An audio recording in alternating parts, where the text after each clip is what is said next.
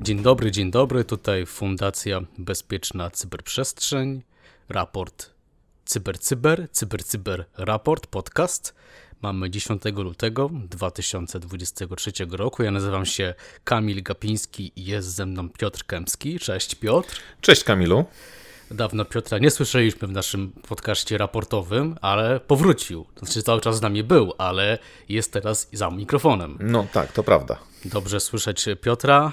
E, a nasze tematy dzisiaj są e, następujące.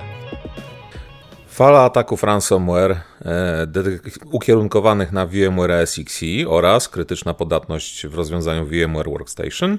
Grupa aktywistów Anonymous udostępniła 128 GB danych od Convex, czyli wiodącego rosyjskiego dostawcy internetu. I opowiemy o cyberataku na Centralny Szpital Kliniczny Uniwersytetu Medycznego w Łodzi. Cyberatak przyczyną awarii systemu Śląskie Karty Usług Publicznych oraz nowy wariant botnetu Meduza, zawierający moduł ransomware. A na koniec y, o serwisie Reddit i o tym, jak stał się ofiarą ataku phishingowego. Ok, to przechodząc do szczegółów, rozpoczęliśmy bieżący tydzień od poniedziałku e, ku zaskoczeniu 6 lutego. Natomiast tak naprawdę te wszystkie zdarzenia, które e, uderzyły nasz fit informacyjny, można powiedzieć, rozpoczęły się troszeczkę wcześniej, bo od weekendu, czyli tak naprawdę od końcówki piątku, soboty i niedzieli, i tutaj taką bardzo znaczącą informacją jest e, to, iż e, miała miejsce, rozpoczęła się kampania ukierunkowana na rozwiązanie VMware SXE, które to stało się celem fali ataków Ataki te e, były ukierunkowane na zysk, e, bo ich celem jest, była infekcja podatnych instancji VMware właśnie SXE oprogramowaniem ransomware. W kampanii wykorzystywana była rodzina ransomware SXE ARCS, e, dla której nie zostało jak dotąd udostępnione żadne narzędzie deszyfrujące. Tutaj jako pierwszy doniósł o tym francuski CERT w komunikacie z 3 lutego. E, ostrzegł on właśnie przed tą kampanią e, i o, i o tym, iż e, eksploituje ona podatność o oznaczeniu CVE 2021 219 74. Jest to podatność OpenSLP i występuje ona w wersjach ESXi 7X, 6.7.x, czyli różnych innych wersjach z tej rodziny oraz 6,5X. Podatność ta pochodzi z roku 2021, czyli jest dosyć już leciwa. I żeby było ciekawiej, e, aktualizacja bezpieczeństwa, którą adresuje, została opublikowana 23 lutego w 2021 roku. Mimo to podatnych instancji jest dość sporo. Teraz, jakie działania możecie podjąć, jeśli użytkujecie jedną z takich podatnych wersji? E, otóż e, możecie zatrzymać usługę SLP, to niestety może jednak skutkować pewnymi problemami e, w funkcjonowaniu wirtualizatora i raczej Wam nie pomoże, jeżeli atakujący wcześniej już uzyskał do niego dostęp. Możecie ograniczyć ruch sieciowy tylko do zaufanych adresów IP, również w sieci wewnętrznej oraz, do czego bardzo usilnie namawiam, zaktualizować rozwiązanie ESXi do niepodatnej wersji. I to pomaga nawet w przypadku tych wersji, które są już niewspierane, bowiem od października 20, a konkretnie 22 października ubiegłego roku e, wersje 6.7 e, oraz 6.5 nie są już wspierane. Weszły w End of General Support. Ponadto, jeśli chodzi o te kampanie, e, FBI i CISA opublikowały wskazówki dotyczące odzyskiwania maszyn wirtualnych po ataku ransomware, do których odsyłam. A pozostając jeszcze w temacie VMware'a, to tutaj również w poniedziałek e, firma VMware poinformowała o publikacji aktualizacji bezpieczeństwa, które usuwają podatność w zabezpieczeniach innego produktu. E, jest to produkt VMware Workstation i tutaj ta podatność, która została oznaczona jako CVE 2023 20854 z wynikiem CVSS na poziomie 7,8 a podatność jest to tyle ważna, iż może zostać wykorzystana przez atakującego do usunięcia dowolnego pliku na podatnej instancji VMware Workstation. Sama podatność występuje w wersjach oprogramowania 17.x, czyli w całej rodzinie 17, rozwiązania VMware Workstation E, które jest dedykowane na rodzinę systemów operacyjnych Windows. Uf, dużo podatności, dużo się dzieje wokół VMware'a tak naprawdę. Natomiast e, we wtorek zidentyfikowaliśmy informację, e, na temat anonimusów. Cóż, zawsze kiedy jest temat anonimusów, to e, przypomina nam się, czy mi się przypomina nasz cykl Ukraina ACK, analiza cyberkonfliktów. Wówczas dużo mówiliśmy o anonimusach, bo istotną rolę właśnie e, w tej w cyberprzestrzeni i właśnie w tym konflikcie w cyberprzestrzeni anonimusy musi odgrywali. Natomiast Także zostajemy trochę przy temacie e, rosyjskim, jeżeli chodzi o, e, o anonimusów, e, ponieważ udostępnili 128 GB danych od Convex, czyli wiodącego rosyjskiego dostawcy internetu. Te w tych 128 GB tak naprawdę mamy szczegółowy opis rzekomego nielegalnego rzekomego. No tutaj oczywiście poza znakiem zapytania zawsze monitorowania obywateli w całym kraju przez y, Kreml. Jakoż pewnie to nikogo nie dziwi w obecnej sytuacji. Dla przypomnienia, dla kategoryzacji tej, tego newsa, takie działania inwigilacyjne są klasyfikowane jako nieupoważnione podsłuchiwanie, szpiegostwo i inwigilacja, inwigilacja ludności cywilnej bez nakazu sądowego. Jest to nawet niezgodne e, z prawem e, kraju, e, czyli Federacji Rosyjskiej. Dane ujawniają, w jaki sposób rosyjski rząd szpieguje obywateli oraz szczegóły jeszcze nieujawnionego programu nadzoru, który się nazywa Green Atom, czyli zielony, zielony atom. Ciekawe.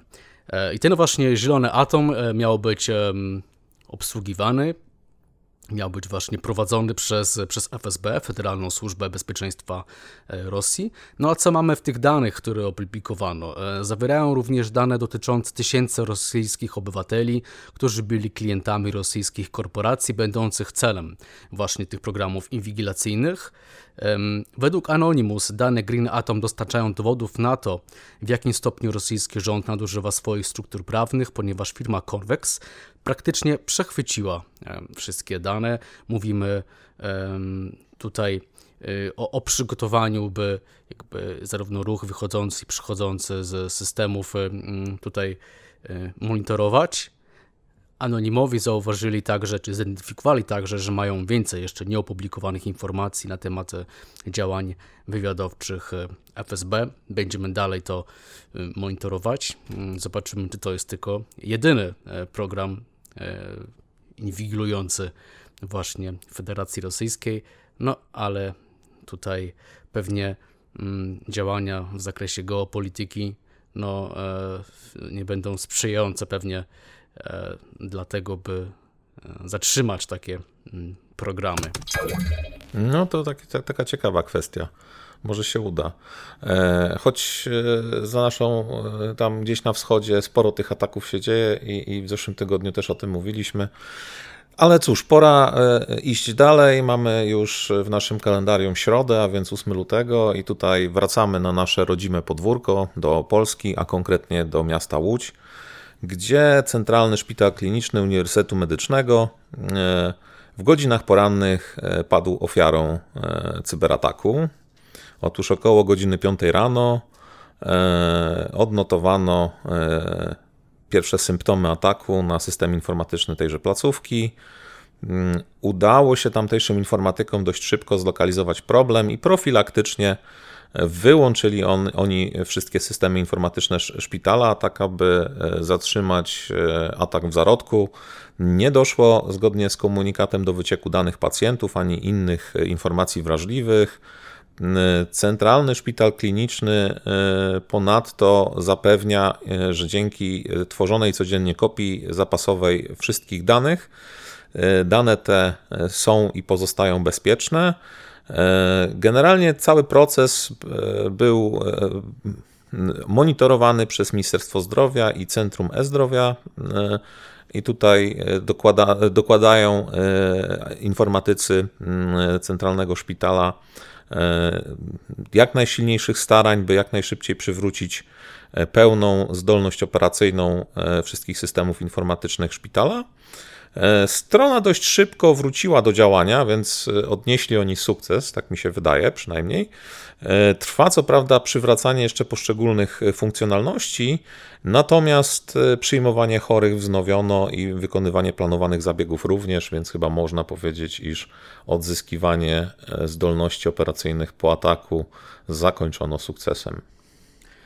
Cóż, o ile czasem, chociaż rzeczywiście jest to przestępstwo, ale czasem mogę zrozumieć jakieś motywacje finansowe hakerów. Nie popieram, ale no gdzieś tam mi, mieści mi się to jakby w, w głowie, no to jakby ataków na, e, na szpitale, na placówki e, zdrowotne, no to, to jest po prostu trzeba byłoby tu niecenzuralnych słów użyć. No tak, zdecydowanie. Znaczy, Zwłaszcza na... ransomware, który jest tak, tak po prostu potężnym zagrożeniem. Nie?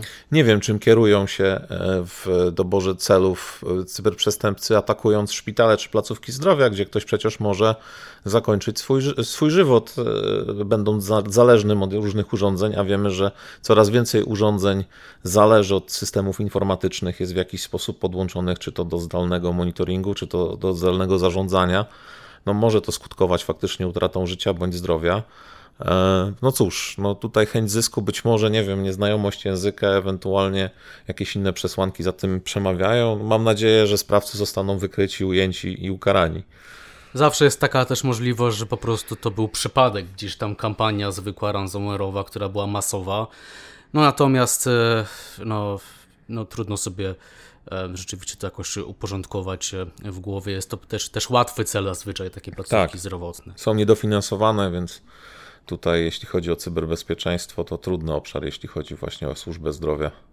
Niemniej jednak właśnie zostajemy w Polsce tak naprawdę.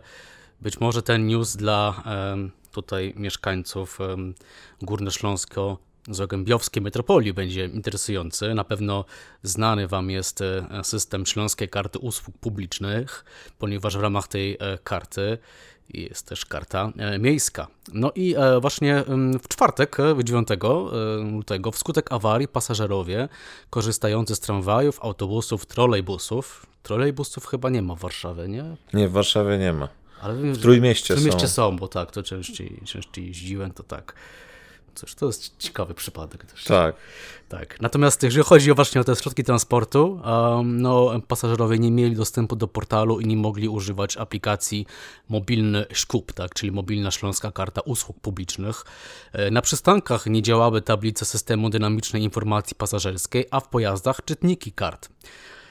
Przyczyną awarii systemu centralnego, do której doszło w nocy z wtorku na środę, e, miała być zewnętrzna celowa ingerencja z osób trzecich, właśnie jak powiadomiono e, tutaj, jak, jak, jak miasto, jak Śląska, tutaj e, Śląskie Usługi Publiczne poinformowały.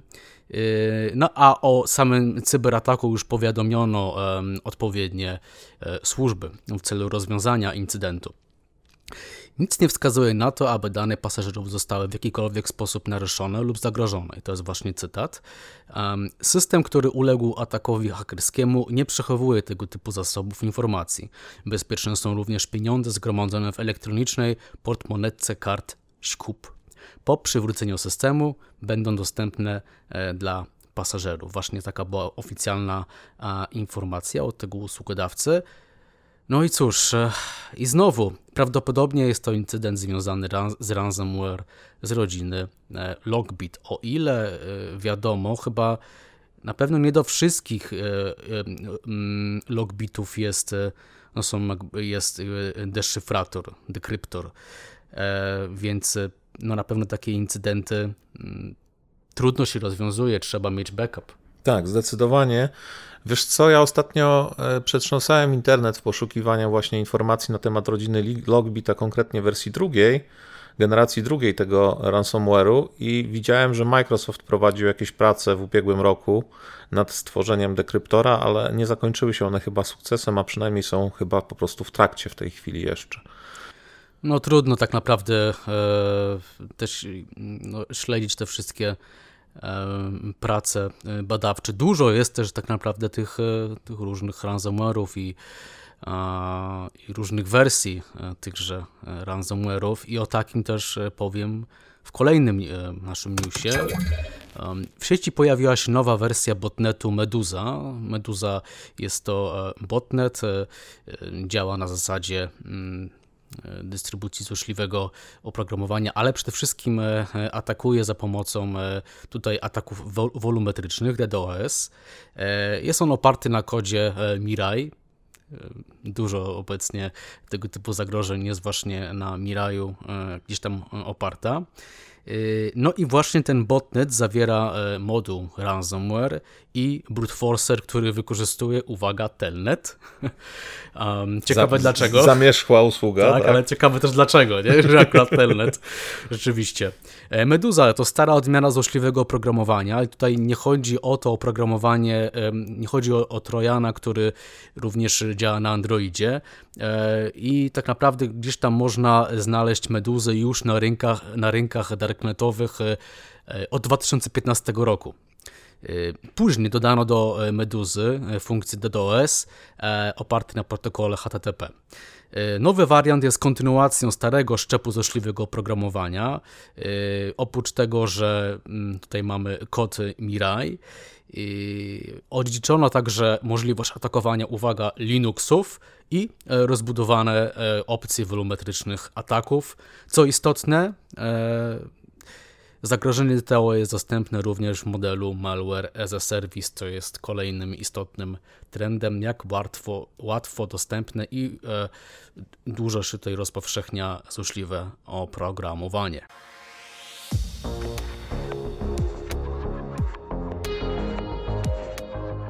Partnerem strategicznym podcastu CyberCyber jest Koncert SA, lider na polskim rynku cyberbezpieczeństwa. Sprawdź nas na www.koncert.pl. I w ten oto sposób dobrnęliśmy do dnia dzisiejszego. E, powiedz mi, Kamilu, korzystasz z serwisu Reddit? Tak, e, sporadycznie. Interesujące dyskusje, ale często właśnie w kontekście cyberbezpieczeństwa. Czasami się tam zdarzają jakieś niefajne newsy. Tak, to zdarza mi się. No to podobnie jak mnie, ja też korzystam dosyć sporadycznie. Nie mam tam co prawda konta, więc nie jestem chyba dobrym e, użytkownikiem tego serwisu. Natomiast w różnych tematach e, faktycznie dyskusje prowadzone są bardzo ciekawe i często można odnaleźć bardzo interesujące informacje. U nas to chyba wykop jest takim odpowiednikiem. Tak, polski to będzie wykop. E, natomiast wracając jakby do meritum ostatniego naszego newsa na dziś, jaki przygotowaliśmy, otóż serwis Reddit opublikował oficjalne oświadczenie, w którym przyznał się niejako do tego, iż stał się ofiarą ataku, który bazował, uwaga, na wyrafinowanej kampanii phishingowej, czyli jak moglibyśmy to określić jednym słowem, był to spear phishing. E, jak czytamy w oświadczeniu, 5 lutego e, wykryto właśnie tę kampanię phishingową. Była ona wymierzona w pracowników, konkretnie Reddita właśnie, Podobnie jak w przypadku większości tego typu kampanii, atakujący wysłał bardzo wiarygodnie skonstru skonstruowane wiadomości mailowe kierujące pracowników do strony interneto internetowej, będącej wierną kopią bramy intranetowej Reddita. Celem atakującego była oczywiście kradzież danych uwierzytelniających oraz kradzież tokenów e, drugiego czynnika uwierzytelniania, ponieważ Reddit e, korzysta e, z two-factor authentication. Po umyślnym uzyskaniu danych uwierzytelniających jednego pracownika, atakujący uzyskał dostęp do niektórych wewnętrznych dokumentów, do kodu, e, jak podejrzewam źródłowego, a także niektórych wewnętrznych pulpitów nawigacyjnych i systemów biznesowych.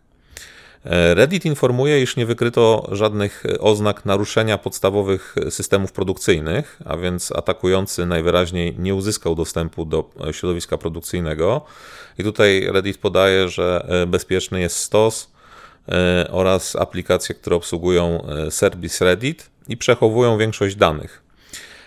Naruszenie e, czyli ten incydent, obejmował informacje kontaktowe dla setek e, kontaktów firmy oraz pracowników firmy obecnych i byłych, a także informacje o reklamodawcach. E, ponadto prowadzone jest dochodzenie w tej chwili wewnątrz firmy Reddit związane z tym incydentem. Jest ono prowadzone przez specjalistów do spraw bezpieczeństwa, inżynierów oraz analityków danych. Jak dotąd nie zidentyfikowano żadnych dowodów sugerujących, iż atakujący uzyskał dostęp do jakichkolwiek niepublicznych danych e, oraz że informacje z Reddita zostały gdziekolwiek opublikowane bądź rozpowszechnione. E, czyli jak mniemam, pewnie Reddit e, również zagląda do dark webu. Co ciekawe w tym incydencie, to to, że sam ten pracownik, którego dane poświadczenia, e, dane uwierzytelniające zostały e, skompromitowane, e, zaraportował ten fakt bardzo szybko po tym, jak się zorientował sekcji czy też jednostce cyberbezpieczeństwa funkcjonującej wewnątrz firmy Reddit.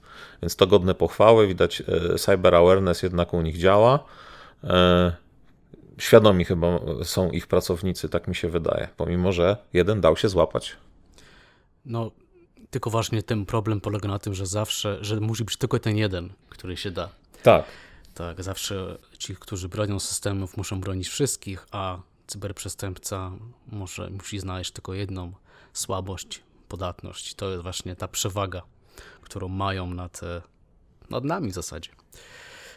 No cóż, e, to chyba wszystkie newsy e, istotne, które dla Was wybraliśmy w tym tygodniu. E, słyszymy się już za tydzień, w piątek, z kolejnymi aktualnościami. Newsy przygotował Kamil Gapiński, Piotr Kępski. Dokładnie, dzięki wielkie. Dziękujemy. Bądźcie cyberbezpieczni. Cześć. Cześć, trzymajcie się ciepło.